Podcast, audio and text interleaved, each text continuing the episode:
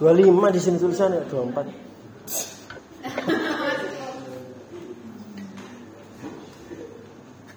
Jadi Februari udah mau selesai aja nih.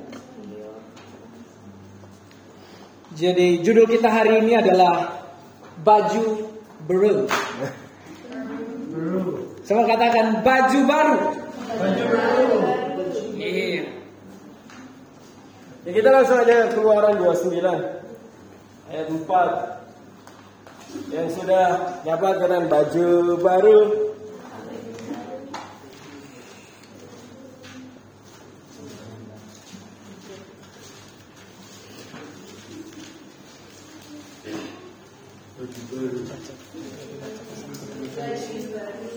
Ya. Oke oke.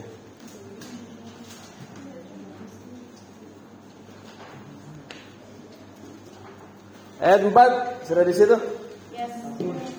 Lalu kau suruhlah Harun dan anak-anaknya datang ke pintu kemah pertemuan Eh, dan haruslah engkau membasuh mereka dengan air. Ayat ini adalah menjadi salah satu ayat yang kita pelajari di Kamis lalu. Dan di dalam tahun lalu salah satu pewahyuan yang berdampak uh, pada saya adalah tentang Harun ini sebenarnya. Di mana berkali-kali saat ayat Alkitab menyatakan tentang tugas dan panggilan Harun, selalu juga termasuk anak-anaknya. Dan itu membuat saya melihat tentang panggilan itu berbeda. Yang yang pertama pada awal pelajaran kita hari ini yang harus kita sadari bahwa tugas dan tujuan hidup itu tidak berhenti hanya di satu orang saja.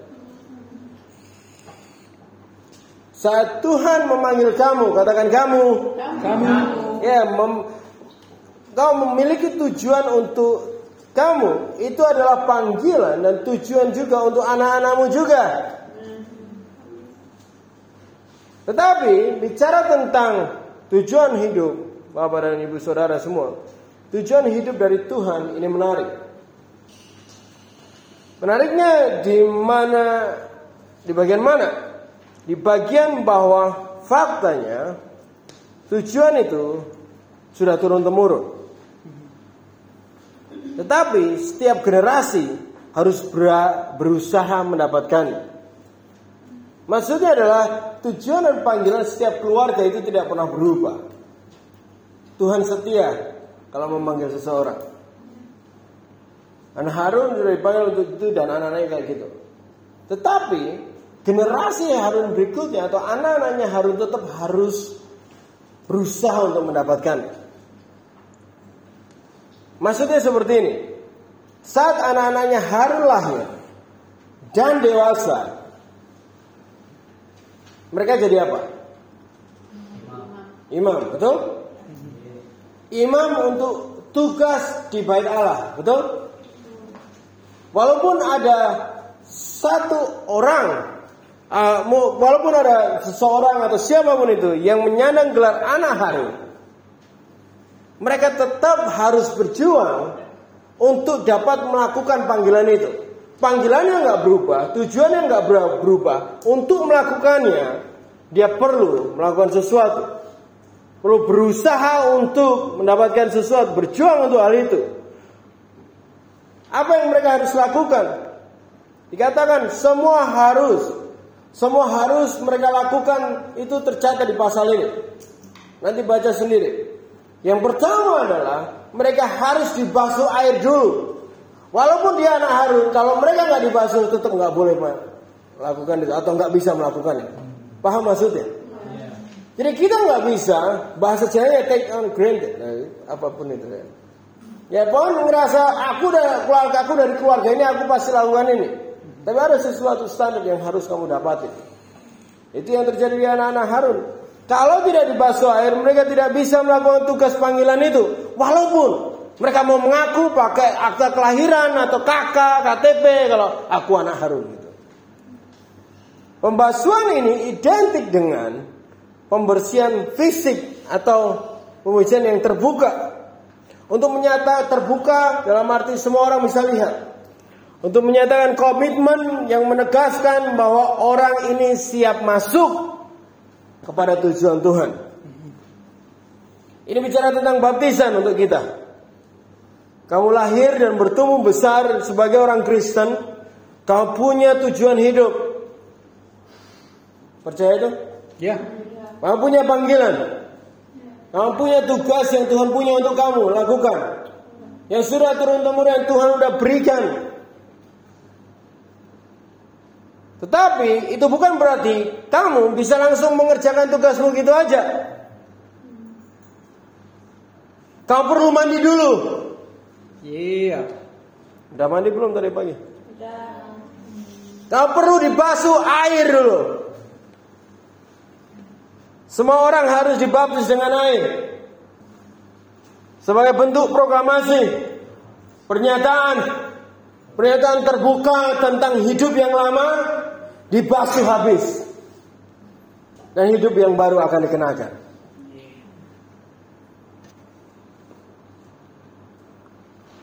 Sebelum mengenakan manusia baru atau baju baru, yang lama harus dibersihkan dulu. Adakah di sini yang kadang ada hari yang kamu tidak mandi, tapi cuma ganti pakaian aja? Ada, ada. yang terjadi adalah tubuh kita sudah memiliki ciri dan hidup dari kehidupan sebelumnya. Dari jam-jam sebelumnya atau hari sebelumnya. Yaitu bentuknya bau badan, wangi ketiak, burket dikit mungkin. Tahu burket?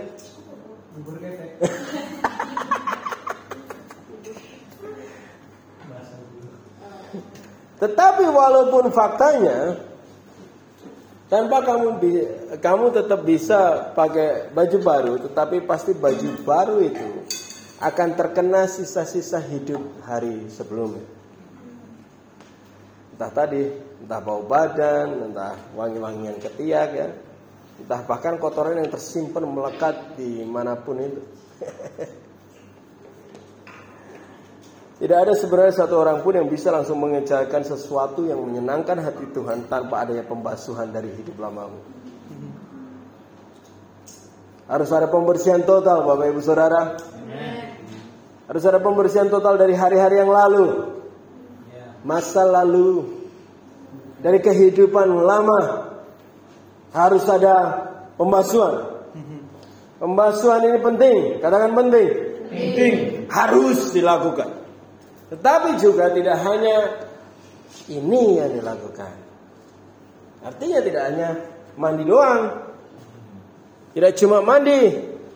Kita lihat ayat berikutnya di ayat 5. Di ayat 5, kemudian kau ambillah pakaian itu, lalu kau kenakan kepada Harun, kemeja, gamis baju efod dan baju efod serta tutup dada. Kau, kau kenakanlah, kau kebatkanlah sabuk efod kepadanya jadi di dalam fase ini membasuh dengan air tidak menjadi tahapan sendiri. Tetapi ini menjadi satu kesatuan dengan tahap yang ada di dalam ayat ini. Kenakanlah kepada Harun. Jadi ada baju khusus yang Tuhan mau Harun dan anak-anaknya pakai setelah mereka mandi. Setelah mereka dibasuh. Dan tanpa baju ini, Harun dan anak-anaknya tidak dapat melakukan atau menghidupi tujuan hidup Tuhan. Seperti halnya hidup kita. Setelah kita dibaptis, kita tidak bisa langsung saja melakukan sesuatu untuk tujuan hidup kita tanpa mengenakan baju yang tepat. Jadi perlu ada tahapnya, ada pembasuhan terlebih dahulu sehingga setelah itu kita bisa mengenakan pakaian yang tepat. Habis, habis mandi Masa langsung jalan aja? Ya harus ada pakai baju dong. Iya kan? Habis Masa kan mau jalan jalan. Kita perlu memakai baju. Amin. Dan teman-teman identik dengan itu.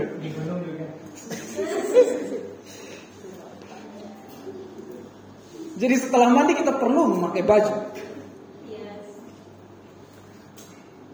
Dan kita tahu kalau Tuhan memiliki ketentuan khusus yang harus dipakai atau dikenakan oleh anak-anak Harun. Mereka harus mengenakan itu. Mereka harus mengenakan gamis baju efod di ayat ini. Penutup dada dan sabuk baju efod. Semua pakaian yang dikenakan ini merupakan pakaian khusus untuk mereka. Tuhan memberikan arahan yang jelas kepada Musa untuk membuat pakaian khusus yang harus dikenakan atau dipakai oleh imam. Setelah dikuduskan dan dibasuh dengan air, mereka dikenakan pakaian khusus yang Tuhan sendiri tentukan.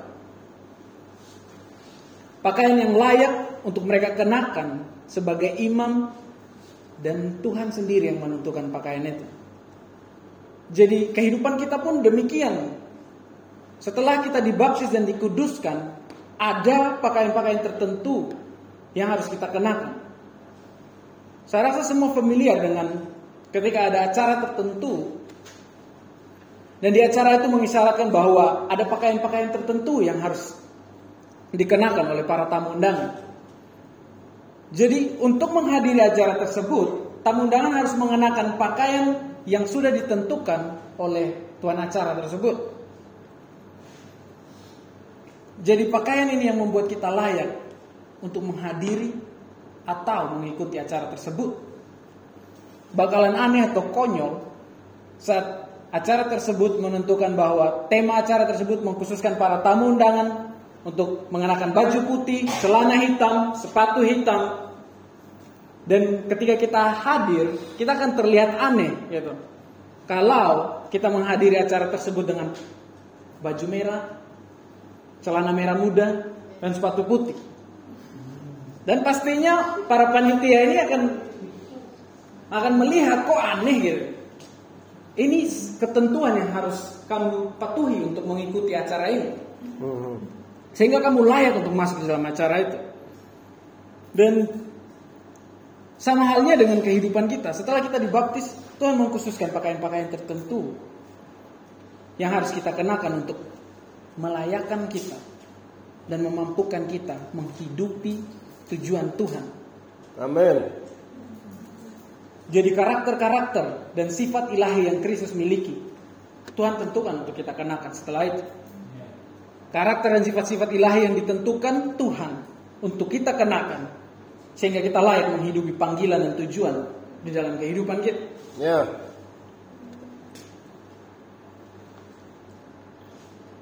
Kita lihat di Keluaran 31, 39 ayat 1.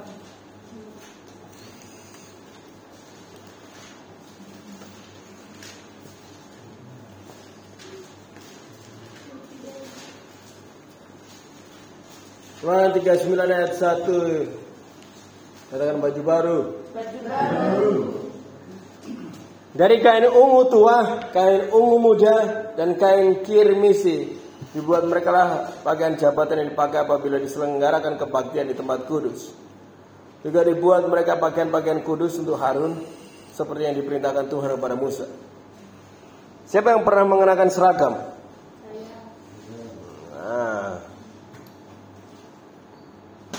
Entah itu seragam sekolah atau seragam pekerjaan. Ya kan? Semua kegiatan dan semua acara di dalam kehidupan kita itu memiliki seragam. Dari profesional ada pekerja bank, ya satpam, satpam, satpam, polisi, ya, pegawai negeri, ya, dan masih banyak lagi. Bahkan di Royal Syrup pun ya, kita memiliki dress code seragam juga, walaupun seragamnya seragamnya disebut baju bebas. Tapi itu seragam, kita seragam untuk bebas gitu maksudnya. Yang layak untuk bekerja. Ya, itu masih tetap seragam kan gitu. Bahkan untuk kegiatan di rumah sekalipun, pasti di lemari teman-teman ada pemisahannya. Ada baju-baju khusus yang ditentukan untuk kegiatan-kegiatan khusus. Ya kan? Pia pajamas, ya piyama atau baju tidur contohnya. Ya saya tahu tidak semua kita punya baju tidur yang beneran baju tidur itu atau didesain untuk tidur tetapi paling tidak kau punya baju yang paling jelek yang udah bolong-bolong ya yang kamu khususkan untuk tidur ya kan. Yang paling tipis, yang paling terbuka yang kamu bisa itu dipakai untuk tidur ya kan. Ya, tetap ada, tetap ada untuk sesuatu itu. Kayak bicara tentang hidup kita harus dibasuh dan ganti baju dengan baju yang baru. Tetapi harus disadari juga Bapak Ibu Saudara, kamu tidak bisa asal pakai baju. Yang yang kita pakai terus kita mau melakukan tugas kita. Harun dan anak-anaknya harus memakai baju khusus. Baju yang tidak sembarangan. Kadang kalau di pagi hari sama ya sama saya suruh langsung mandi, ganti baju untuk sekolah. Oke okay, papa, this is uh, Sunday school or school ya. Karena tiap hari dia ada school cuma bedanya antara Sunday sama enggak. Ya. Dan dia belum tahu mana Sunday mana enggak. Ya. Uh, beberapa dia dia langsung pakai. Berapa saat kemudian saya cek, lah, eh malah pakai baju tidur. Padahal dia mau sekolah pagi itu. Ya, ya benar sih dia udah mandi, ya kan? Ya benar sih dia udah pakai baju. Sudah dibasuh, cek. Sudah pakai baju, cek. Tetapi ya tidak asal baju juga. Baju ini, bagian ini bicara tentang kehidupan kita yang bisa terlihat bagi orang lain juga. Bicara tentang apa yang terlihat dari dan tentang hidup kita. Di kehidupan hari-hari kita. Untuk kehidupan kita ini Bapak Ibu Saudara. Untuk hidup melakukan tugas dan tujuan Tuhan. Kamu tidak bisa pakai baju sembarangan. Terus pakai baju apa dong Pak Giri? Pertanyaannya. Dikatakan di ayat ini tadi. Pakai pakaian kudus. Katakan kudus. Kudus. Tidak hanya makan soto kudus, tapi pakaian ini juga harus kudus. Pakaian kudus seperti yang diperintahkan Tuhan. Ini penting. Pakaian yang kudus yang diperintahkan Tuhan. Mereka membuat baju untuk Harun dan anak-anak Harun. Baju khusus, tetapi tidak hanya khusus saja, khususnya juga sesuai dengan kehendak Tuhan. Tadi saya bilang pasti di lemarinya ada baju yang udah kalian khususkan. Ini untuk ini, ini untuk ini, ya kan? Mengkhususkan sudah baik, tapi mengkhususkan juga harus sesuai dengan kehendak Tuhan. Yang kita pakai. Ya. Yes, puji Tuhan kamu lahir di, di dalam panggilan Tuhan. Yes, puji Tuhan kamu tahu apa yang harus kamu kerjakan untuk Tuhan. Tetapi ya kamu harus pakai baju yang Tuhan mau juga. Artinya kamu harus punya hidup yang sesuai dengan kehendak Tuhan juga. Mengenakan sesuatu pada hidupmu yang seturut dengan kehendak dan kemauan Tuhan. Baju yang Tuhan pilih. Baju dan gambaran keseharian hidupmu yang Tuhan pilih untuk kamu.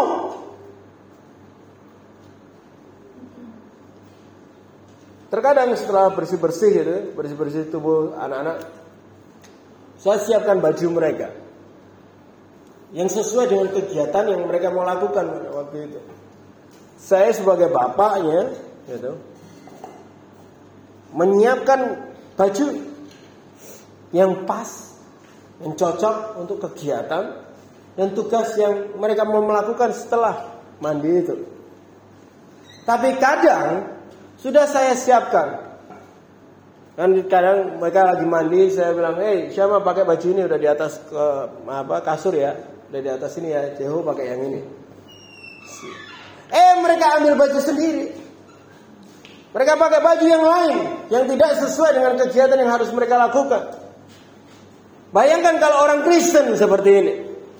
Punya panggilan untuk melayani Tuhan sebagai gembala. Tetapi kehidupan dia kehidupan yang dia kenakan itu seperti Lady Gaga. Tahu Lady Gaga? Yang pakai apa pun yang dia mau sebagai baju.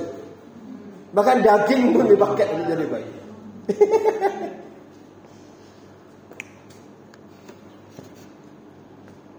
Efesus 2:10 katakan kepada kita di lain waktu lalu Tuhan sudah menyiapkan pekerjaan bagimu. Dan kita setuju kita semua amin itu itu. Ya, Ya, dia menyi tapi dia juga sudah menyiapkan baju untuk kamu. Dia menyiapkan kehidupan untuk kamu. Dia menyiapkan keseharian untuk kamu. Kamu tidak bisa asal pakai baju dan pilih bajumu sendiri untuk melakukan tugas panggilan Tuhan.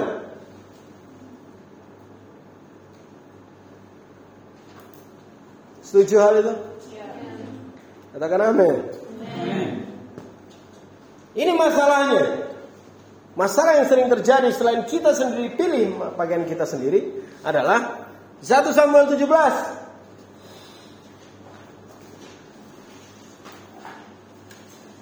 satu Samuel 17 ayat 38.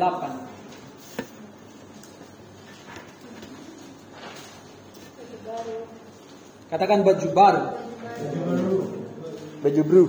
baju baru. Baru. Lalu Saul mengenakan baju perangnya kepada Daud.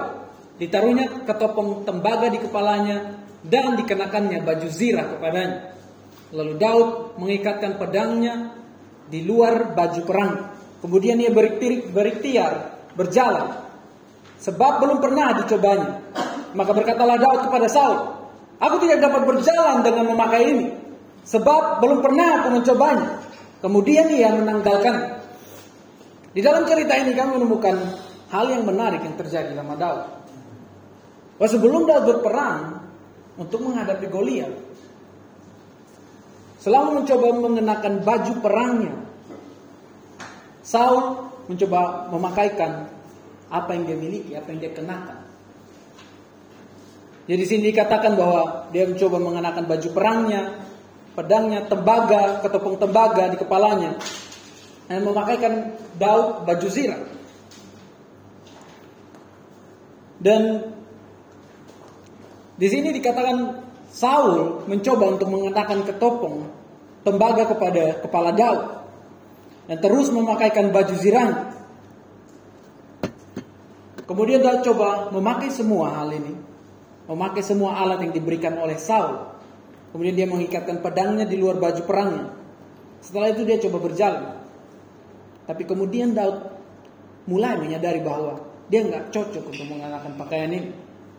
Makanya dia ngomong ke Saul bahwa dia tidak dapat berjalan dengan memakai ini. Sebab dia belum pernah mencobanya sebelum. Dan saya mau kita perhatikan semua ini dengan baik hari ini. Apa yang Daud katakan ke Saul setelah dia coba pakai perlengkapan perang yang coba diberikan oleh Saul. Dan mengatakan bahwa dia tidak dapat berjalan dengan memakainya. Apakah kalian melihat problem di sini? Lihat bahwa Saul mencoba mengenakan kepada Daud pakaian buatan manusia. Mencoba mengenakan kekuatan manusia. Mengenakan sesuatu yang manusia pikir memampukan atau manusia tahu untuk menghadapi peperangan melawan Goliat. Ini yang coba dikenakan kepada Daud waktu itu. Tapi lihat di sini malahan pakaian itu membuat Daud tidak dapat berjalan. Dan ini yang perlu kita lihat. Dan kita perlu berhati-hati sekali untuk sesuatu yang coba kita kenakan di dalam kehidupan kita. Kita perlu berhati-hati untuk mengenakan sesuatu yang terlihat memperlengkapi kita, melayakkan kita atau yang di pikiran kita dapat menguatkan kita.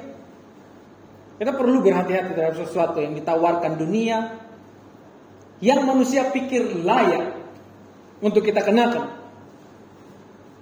Pikiran kita sendiri, kekuatan kita sendiri, semua itu coba kita pakai. Semua itu coba kita kenakan. Dan kita pikir semua itu memampukan kita atau melayakkan kita untuk menghidupi dan menggenapi janji Tuhan dalam hidup kita. Tetapi semua itu malah membuat kita tidak mampu untuk berjalan. Dan saya bisa katakan itu bisa melumpuhkan kita. Kekuatan manusia, apa yang manusia pikirkan, apa yang manusia pikirkan memampukan mereka untuk berjalan di dalam apa yang Tuhan panggil. Atau menghidupi tujuan Tuhan di dalam kehidupan mereka. Kita perlu pahami bahwa itu dapat melumpuhkan dan bahkan membuat mereka tidak mampu berjalan di dalam apa yang sudah Tuhan tentukan untuk kehidupan mereka. Pakaian yang Saul kenakan pada Daud. Malahan pakaian itu membuat Daud tidak dapat mencapai potensi yang seharusnya. Pahami di sini bahwa kita nggak bisa mencapai potensi yang seharusnya kita capai di dalam Tuhan dengan mengenakan sesuatu yang manusia pikir itu dapat memampukan kita untuk mencapai tujuan Tuhan dalam kehidupan kita. Kita nggak bisa mengenakan itu. Kita nggak bisa mengenakan opini-opini manusia yang tidak sesuai dengan apa yang Tuhan tentukan untuk kita kenakan. Yang harus kita lihat adalah apa? Apa yang ditentukan Tuhan untuk kita di dalam mencapai tujuan Tuhan di dalam kehidupan kita. Dia yang menciptakan kita. Dia yang memberikan tujuan di dalam kehidupan kita. Dan dia tahu cara yang memampukan kita untuk hidup di dalam hal itu. Kita nggak butuh pikiran manusia, opini kita sendiri dan bahkan kekuatan kita sendiri. Tuhan menyediakan semuanya yang kita butuhkan untuk kita dapat mencapai potensi yang seharusnya di dalam kehidupan kita. Ketika kalau kalian sadari di sini, setelah menanggalkan hal ini, lihat apa yang Daud pilih untuk dia pakai, kenakan untuk menghadapi Goliat di sini. Dia pilih untuk mengenakan nama Tuhan, karakter Tuhan dan kesetiaan Tuhan. Dan semuanya itu menyediakan arahan bagi Daud untuk mencapai kemenangan atas Goliat. Dan itulah potensi dan pencapaian yang sebenarnya. Ingat Tuhan yang mengurapi Daud sejak dari mulanya. Dan Tuhan menyediakan kelengkapan yang Daud butuhkan di dalam mencapai dan menggenapi tujuan pengurapan Tuhan di dalam kehidupan Daud. Apakah kalian rindukan untuk mengenakan setiap hal yang Tuhan tentukan di dalam kehidupan kalian? Kalian harus merindukan itu untuk mencapai sesuatu yang seharusnya kalian capai. Di Roma 13 ayat 14 dikatakan hal ini. Tetapi kenakanlah Roma 13 14 sudah di situ. Sebelum Galatia. Tetapi kenakanlah Tuhan Yesus Kristus Amen. Sebagai penangkapan senjata terang dan janganlah merawat tubuhmu untuk memuaskan keinginanmu. Ini langsung clear gitu aja. Salah satu peristiwa yang peristiwa hidup yang dapat terjadi dan memalukan adalah saat kamu saltum. Ya kan? Salah kostum. Kata kok semua rapi? Atau kebalikannya, lah, kok semua berantakan aku rapi sendiri? Resmi banget. Pernah salah kostum? Pernah. Harusnya pesta ulang tahun anak-anak kamu datang pakai kostum Halloween gitu kan. Anak-anak pada lari semua. Serem dong. Atau kamu night malah pakai pakai baju pramuka kan itu. Kan repot. Atau zaman sekolah, harusnya kamu pakai seragam hari Senin, tapi kamu malah pakai seragam hari Jumat. Dan di dalam kelas itu kamu sendiri yang seragamnya itu. Mungkin nggak dihukum, mungkin nggak dapat poin. Tapi diketahui aja ya dan merasa aneh aja gitu. Pernah ngalamin itu? ya, ini memalukan betul. Bahayanya adalah kalau ini terjadi waktu berperang. Huh, yang lain udah bawa perang, kamu nggak salah baju gitu. Ya. Saat berperang, berjuang untuk melakukan panggilan Tuhan, melakukan tugas itu, umat Tuhan harus pakai Kristus sebagai perlengkapan perangnya. Bahkan ayat ini juga katakan, jangan merawat tubuhmu. Bukan nggak boleh merawat, tapi jangan merawat tubuhmu untuk memuaskan keinginanmu. Kita boleh merawat, bahaya kalau nggak kuat naik gunung kan repot. Iya. Ya, hampir pingsan turun gunung, nah, Naik hampir mati, turun hampir pingsan.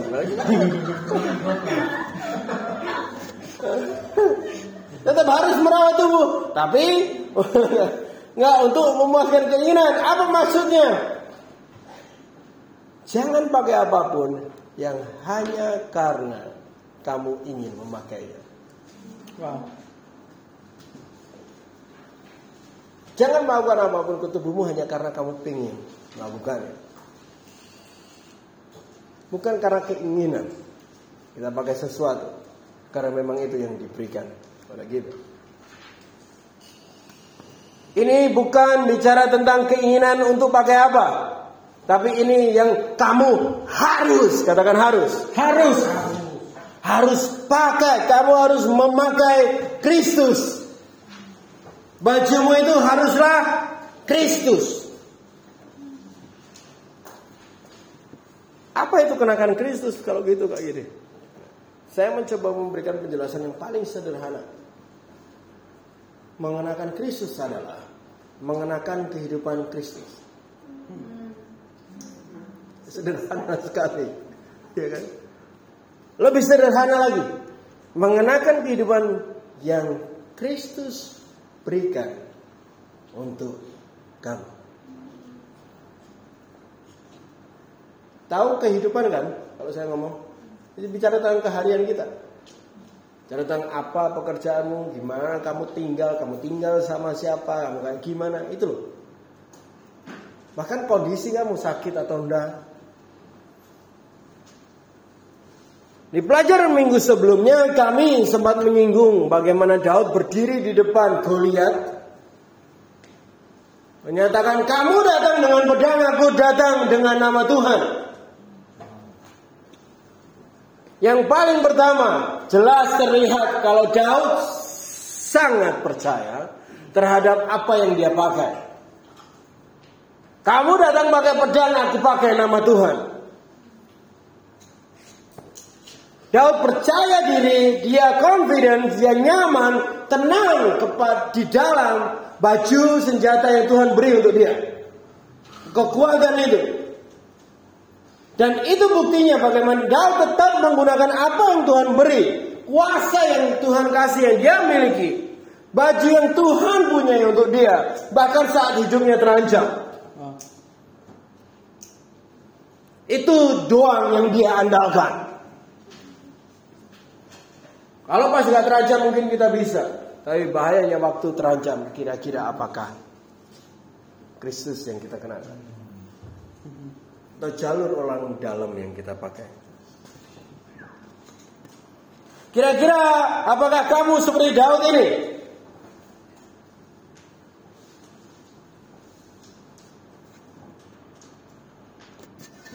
Jawab sendiri dalam hati.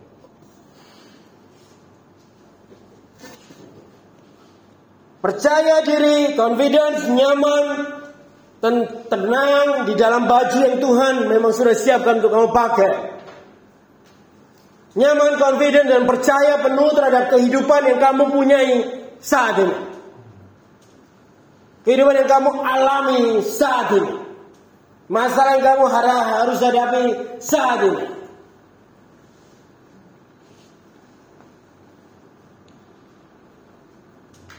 Apakah kamu percaya diri? Itu pertanyaannya. Tenang terhadap kehidupan yang Tuhan khususkan untuk kamu kenakan hari ini. Karena apa pun yang Tuhan bolehkan kamu kenakan hari ini itu yang Tuhan mau orang lain lihat tentang kuasanya melalui hidupmu. Kalau Tuhan kenakan kesakitan di bagian itulah kesembuhan Tuhan mau kasih lihat. Apa pun yang Tuhan kenakan itu. Kehidupan yang jauh berbeda dari keinginanmu mungkin. Keinginan orang tuamu Keinginan orang-orang sekitarmu. Mungkin. Waktu tadi si Saul yang dikatakan Pedro tadi bukan ini Saul ya. Kasih perlengkapan ke Daud. Baju perang itu bahannya tembaga. Dan Daud, eh, dan Saul pede banget. Hmm, pakai ini. Hmm. Ya kan? Tapi tahu nggak sih? Dan sedangkan pedang dan ujung tombak Goliat itu besi.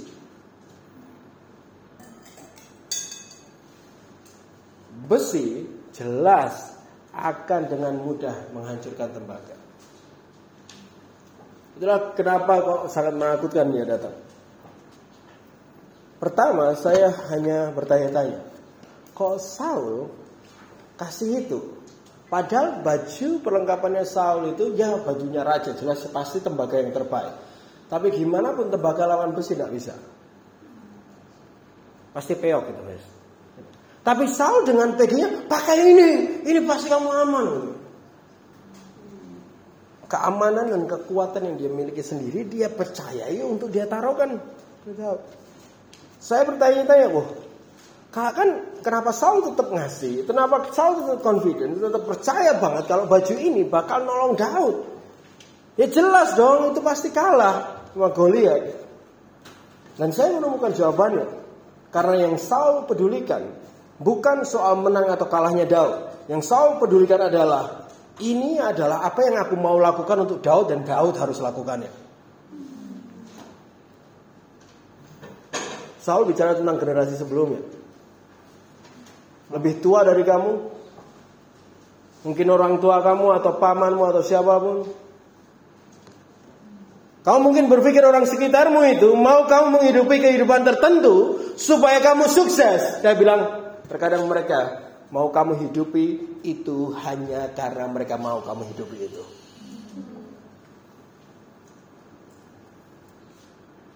Karena hal-hal itu kadang saat saya dengar apa yang mereka mau kalian lakukan, kadang kan kalian datang ke kami untuk ngomong, wah mereka mau aku harus kayak gini, kayak gini gitu. Walaupun mereka bilang ini untuk kesuksesan, supaya kamu nggak jadi minta-minta. Tuhan bilang dia nggak akan biarkan kamu menjadi peminta-minta, supaya kamu nggak minta-minta. Supaya kamu gini, supaya kamu sukses. Bagi saya yang saya terdengar adalah saya sedang mendengarkan ilalang ditabur. Tipu daya kesuksesan yang bakal menghimpit benih Tuhan itu sedang ditabur. Kenapa dibilang tipu daya? Saul pakai baju, pakaian itu, baju sirah itu ke Daud. Kelihatannya untuk menang, kelihatannya.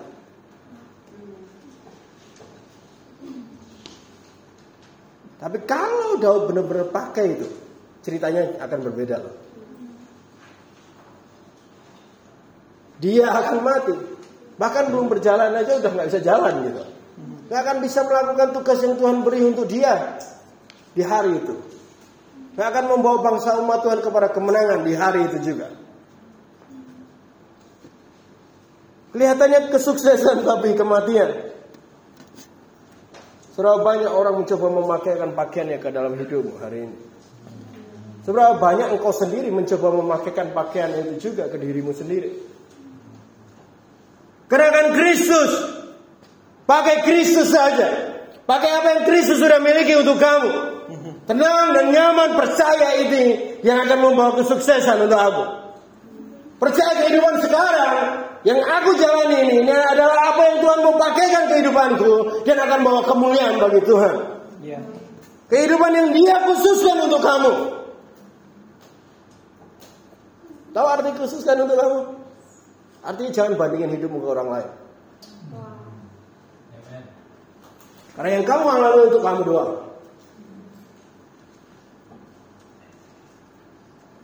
Tapi tidak ada yang lebih spesial dari siapa pun. Semuanya beda-beda mungkin yang dialami, tapi itu khusus untuk kamu. Spesial nggak pakai telur.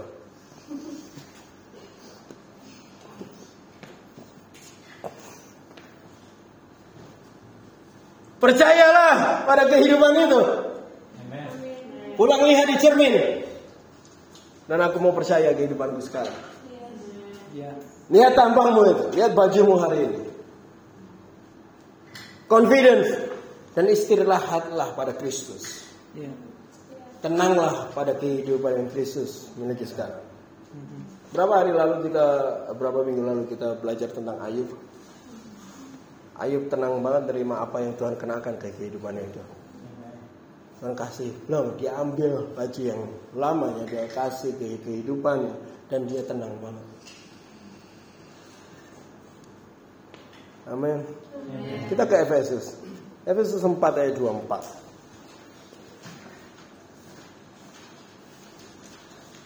Efesus 4 ayat 24.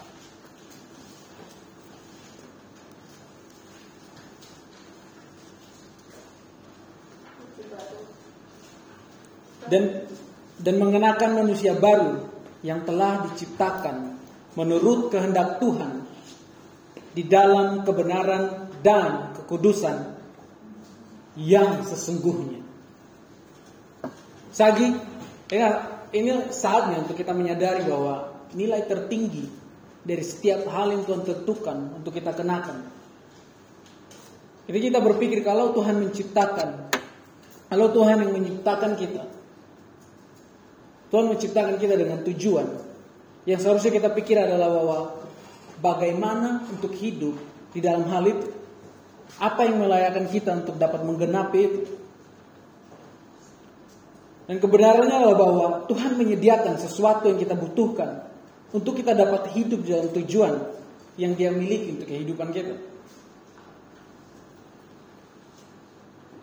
Lihat bahwa setelah Tuhan mengkuduskan dan mengkhususkan kita, Tuhan menyediakan manusia baru yang harus kita kenakan. Dan Tuhan menciptakan itu menurut kehendak Dia dan sesuai dengan apa yang ditentukan untuk kehidupan kita. Ya. Dan itu spesial. Dan ayat ini mengatakan bahwa itu sesuai dengan kebenaran dan sesuai dengan kekudusan yang sesungguhnya. Pahami bahwa saat kamu dikuduskan dan dikhususkan Tuhan, lihat bahwa di dalam hal itu Tuhan memulihkan tujuan, tujuan ilahi yang menjadi alasan kenapa kamu diciptakan. Dan semua hal ini telah ditentukan sejak mulai. Dan itu dilihat dan digambarkan di ayat pertama tadi yang kita baca. Setelah imam dikuduskan dan dikhususkan bagi tujuan tertentu, Tuhan menentukan baju atau pakaian atau identitas yang harus mereka kenakan. Ya. Dan semua itu diciptakan dan ditentukan oleh Tuhan. Dan di ayat ini bahwa Paulus menguatkan mereka di Efesus bahwa kita harus mengenakan tujuan Tuhan menciptakan kita sejak mulanya. Apa yang Tuhan tunjukkan di dalam kehidupanmu sejak kamu lahir baru, sejak kamu dibaptis, kenakan semua hal itu. Itu yang harus dipakai. Kalau teman-teman berpikir bahwa kalau sendok diciptakan untuk gali tanah, tetapi tujuan yang sebenarnya sendok diciptakan untuk makan. Dan hidup kita demikian. Kita lahir natural, tidak di dalam tujuan yang sebenarnya. Tetapi saat kita lahir baru, Tuhan menunjukkan tujuan yang sebenarnya di dalam kehidupan kita. Tujuan di mana yang sebenarnya kita dapat berfungsi dan hidup dan dapat dipakai oleh Tuhan. Dan ini saatnya di mana kita merenungkan bahwa setelah kita dibaptis, setelah kita dikuduskan Tuhan, namun terkadang kita belum mencapai potensi yang seharusnya kita capai. Kita perlu lihat kembali, mengingat dan merenungkan bahwa Tuhan menunjukkan panggilan dan tujuannya di dalam kehidupan kita. Apakah kita mengenakan itu? Apa kita memakai itu sebagai pakaian kita?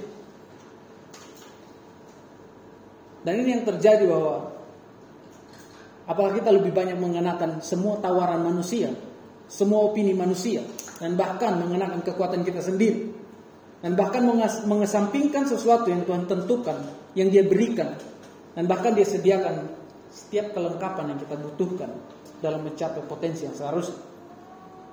Hmm. Ini saatnya kita renungkan apa yang kita pilih untuk kita pakai akhir-akhir ini. Kalau kita rindukan untuk menggenapi tujuan yang Tuhan miliki bagi kehidupan kita. Apakah kamu harus mengenakan identitas yang Tuhan ciptakan dan Tuhan sediakan menurut kehendaknya? Kalau Tuhan memberikan tujuannya di dalam kehidupan saya, untuk menjadi pendoa dan menjadi pria yang dapat berdiri di antara Tuhan dan umatnya untuk menyampaikan, menyampaikan perkataan. Yang harus saya pilih adalah mengenakan hal itu dan hidup di dalam hal itu, membawa identitas itu dan memakai pakaian itu sepanjang hidup saya. Saat saya menjalani hidup saya, pakaian itu yang harus saya pastikan saya kenakan terus. Setiap hari di dalam kehidupan saya. Dan itu yang mau Tuhan lihat untuk saya kenakan. Identitas yang Tuhan berikan. Dan saya mau bertanya kepada teman-teman. Apa tujuan yang Tuhan tunjukkan di dalam kehidupan?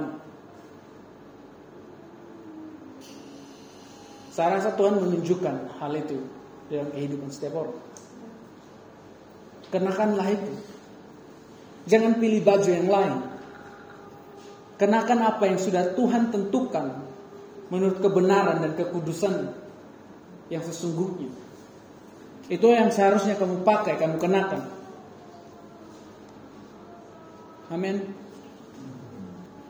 Bicara tentang kehidupan baru teman-teman itulah yang Tuhan mau kenakan ke dalam hidup kita. Makanya kenapa orang kalau udah dibaptis terus bilang oh hidup baru. Tapi orang lupa sebenarnya gimana itu kelihatannya sesungguhnya. Nah masalah yang terjadi adalah begitu orang memberi diri dibaptis, ya bertobat, ada beberapa masalah yang terjadi. Yang pertama adalah dia pengen bajunya dobelan, baju lama tetap ada, pakai lagi baju baru di luarnya. Masalah yang lain adalah baju yang baru nggak disukai. Karena mungkin kelihatan jauh berbeda sama yang dia bayangkan. Aku kira aku bakal dapat baju kayak gini. Aku kira aku bakal dapat kehidupan kayak gini. Itu orang nggak puas di kehidupan barunya. Padahal manusia baru adalah manusia yang hidup menurut kehendak Tuhan. Pahami kata-kata. Manusia baru adalah kehidupan yang sudah seturut kehendak Tuhan. Jadi baju yang kamu kenakan waktu kamu menjadi manusia baru adalah itu baju kehendak Tuhan itu. Itu kamu puas atau enggak, kamu senang atau enggak, itu bajumu dari Tuhan. Tapi kalau kamu enggak puas dan kamu enggak suka, kamu akan lebih sulit menghidupinya. Tapi Daud bilang enggak, kamu datang pakai pedang, aku pakai nama Tuhan. Terserah orang mau pakai ini aku apa, tapi aku pakai nama Tuhan. Raja yang ditolak loh, enggak, enggak, enggak, enggak. Aku enggak bisa jalan pakai ini. Ya, kita ditelepon mama hari ini bisa repot. Kalau ditelepon, kamu harus pakai ini. Mau siapa pun yang penting bagi kamu deh. Daud nolak raja yang mengenakan baju pada dia. Bisa lihat itu? Baik. Jadi manusia baru, ini penting. Dan itulah yang Tuhan mau kita kenakan. Sebagian dari kita belum lahir baru. Kamu harus pakai baju itu. Sebagian dari kita sudah menikmati pakaian barunya. Tinggal maju terus menyelesaikan apa pun. Dan yang terbanyak adalah yang sini. Yang tidak puas sama baju barunya.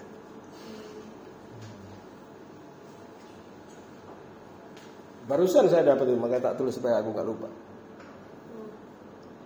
Dan komunitas kita ada di dalam tiga kondisi itu. Filipi 1 ayat 21.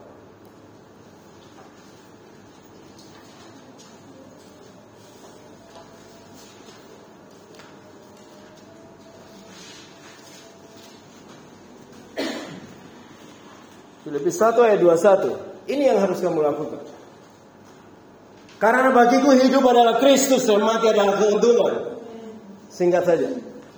Ini salah satu ayat yang paling paling paling paling banget berdampak ke saya karena ini biasanya dulu di gereja yang lama saya kita dapat ayat tiap awal tahun ayat emas gitu kita ambil sendiri dan ini tahun ini adalah ayat yang saya dapat di tahun di mana saya dapat panggilan untuk jadi hamba Tuhan. Di tahun yang sama, tidak di waktu yang sama, tapi di tahun yang sama. Didapat tantangan untuk berikan hidup semuanya Tuhan itu di tahun-tahun itu, di tahun yang sama. Paulus ngomong ini. Karena bagiku hidup adalah Kristus. Ini adalah ayat pernyataan dedikasi Paulus yang luar biasa.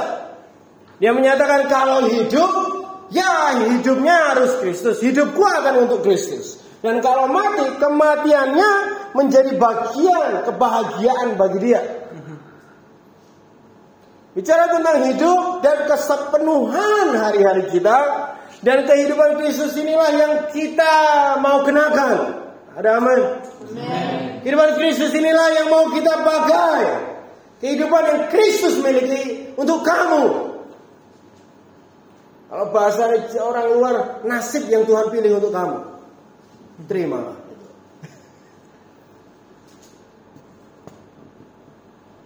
Jadi bahagia di dalamnya. Hanya satu hal saja yang kami rindukan untuk kita belajar dari ayat ini adalah bagaimana Paulus dengan penuh kepercayaan kepada Kristus menyatakan dan memproklamirkan bahwa inilah hidupku dan hidupku ini wis Kristus gitu. Enggak ngegombal, dia ngomong beneran. Inilah kepercayaannya. Dan hari-harinya kita lihat sendiri di suratnya. Tidak ada hal lain dan tujuan lain selain hidup untuk bagi dia menjadi Kristus itu sendiri. Ini tentang pilihan, pilihan yang menjadi kehidupan yang Kristus miliki untuk kamu menjadi satu-satunya. Katakan satu-satunya. Satu-satunya. Kristus hidup yang Kristus miliki untuk kamu menjadi satu-satunya hidup yang kamu mau hidupi. Sulit memang. Mungkin bajunya jauh berbeda sama pandanganmu memang. Tapi itu yang Tuhan mau kamu kenakan. Karena tugas yang khusus yang dia miliki untuk kamu juga. Satu-satunya kehidupan yang harusnya kamu miliki. Satu-satunya pakaian yang kamu pakai. Kamu kami rindu kita semua bisa menjadi seperti Paulus di ayat ini. Kami rindu kita semua bisa menyatakan seperti ini seperti Paulus. Apa pun aku hidup, kehidupan apa pun kau pilih Tuhan, aku mau di dalamnya. Iya. Hidup ini adalah Kristus. Kenakanlah. Kita keluaran 29 ayat 29. Keluaran 29 ayat 29.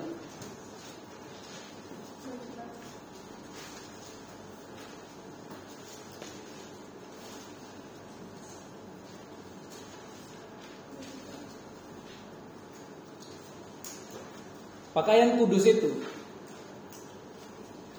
kepunyaan Harun itu haruslah turun kepada anak-anaknya yang kemudian supaya mereka memakainya apabila mereka diurapi dan ditabiskan.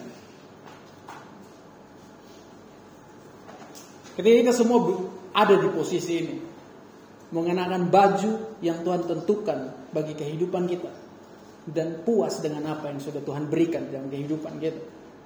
Kita mengenakan kehidupan yang Kristus miliki. Dan kita pastinya nggak mau itu hanya berhenti di dalam kehidupan kita saja. Pakaian kita juga harus turun kepada anak-anak kita juga. Dan turun pada generasi mereka yang seterusnya. Kalau kita semua rindukan hal ini, diwarisan, diwariski oleh generasi kita. Sekarang adalah waktunya untuk kita memilih apa yang harus kita pakai. Baju apa yang harus kita kenakan. Apa yang sudah Tuhan tentukan dan tunjukkan kepada kita dan berikan kepada kita. Kita harus mengenakan hal itu.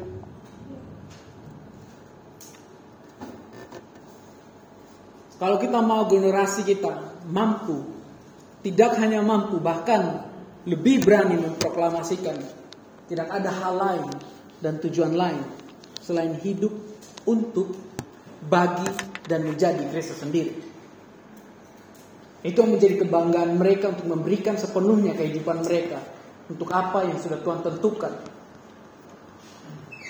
Itu dimulai dari apa yang kita pilih untuk kita kenakan saat ini. Hmm. Itu semua dapat dipastikan dari apa yang kamu pilih untuk kamu pakai saat ini. kalian mau hal itu, maka kalian harus menentukan untuk mengenakan baju baru itu. Pakaian yang Tuhan sudah tentukan sendiri untuk kamu pakai. Baju yang sudah Tuhan tentukan bagi kehidupan kalian. Amin. Kita boleh banget berdiri, kita mau nikmatin hadirat Tuhan. Sambil renungkan firman ini Bapak Ibu Saudara.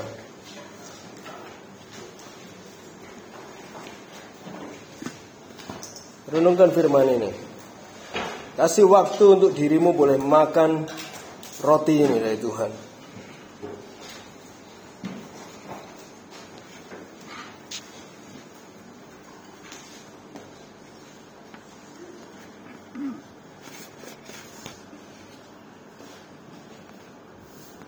Amin.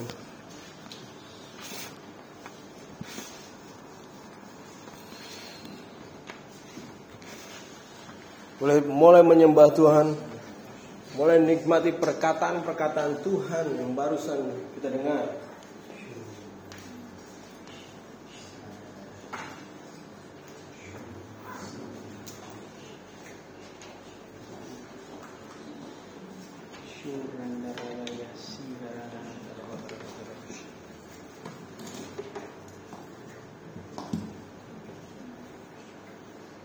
Kalau engkau rindu untuk mengenakan Kristus mulai hari ini Atau puas dengan apa yang Tuhan Kristus sudah kenakan Atau beristirahat di mana apa pun yang Kristus berikan kepada engkau. Hari ini. Mulai menyembah dia. Tenang Tuhan aku mau. Syuran darabaya sing Beberapa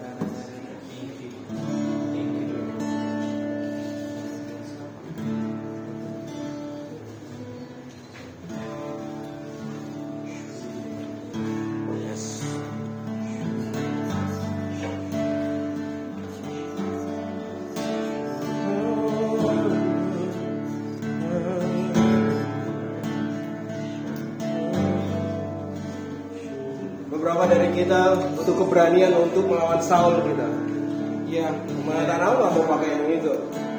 Beberapa dari kita perlu tenang dan percaya terhadap pakaian yang Tuhan berikan. Beberapa dari kita yang minta kekuatan untuk terus maju dan mengerjakan tugas.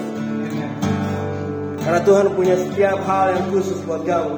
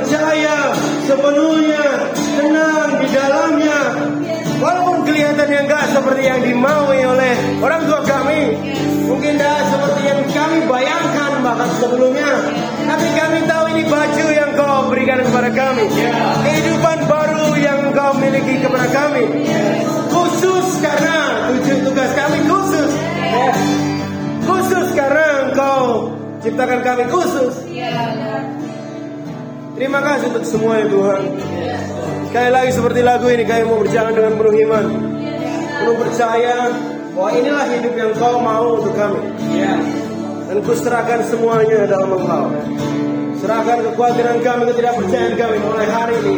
Kami mau berjalan dengan penuh iman.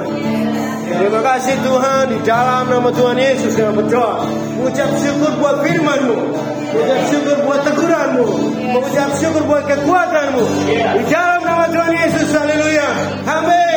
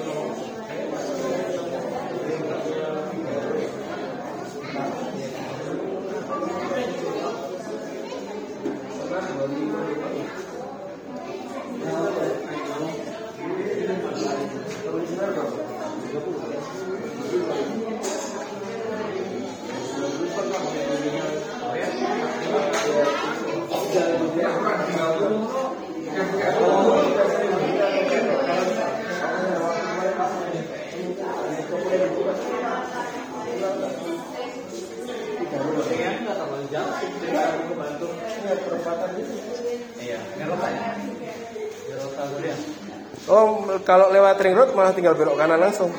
Jalan Godian yang udah tadi. Bukan gitu. Dong pak, kiri dong, belok kiri. Kalau dari sini ke kanan dong. Kan ring road Jombor. Iya, maksudnya jalan perawatan Godian. Ah, Ke kanan, ikutin jalan Godian yang masuk ke sana. oh enak dong kita berarti dari Iya, dari ring road Oh, iya. terus perawatan bumi bumi apa itu? Yang jalan media itu. Kenapa tinggal kanan? Deket lah. Ada kok di map Figaro namanya. F I J A R O.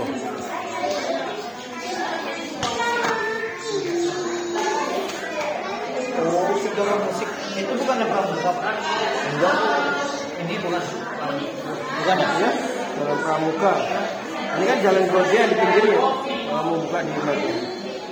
Oh, tak kira yang jalan pramuka yang Jalan ini Gang Pramuka dia. Oh, oh iya, ring road langsung. Iya, ring road langsung.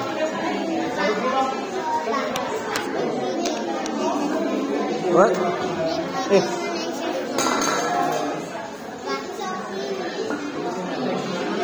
Kayaknya aku tahu deh.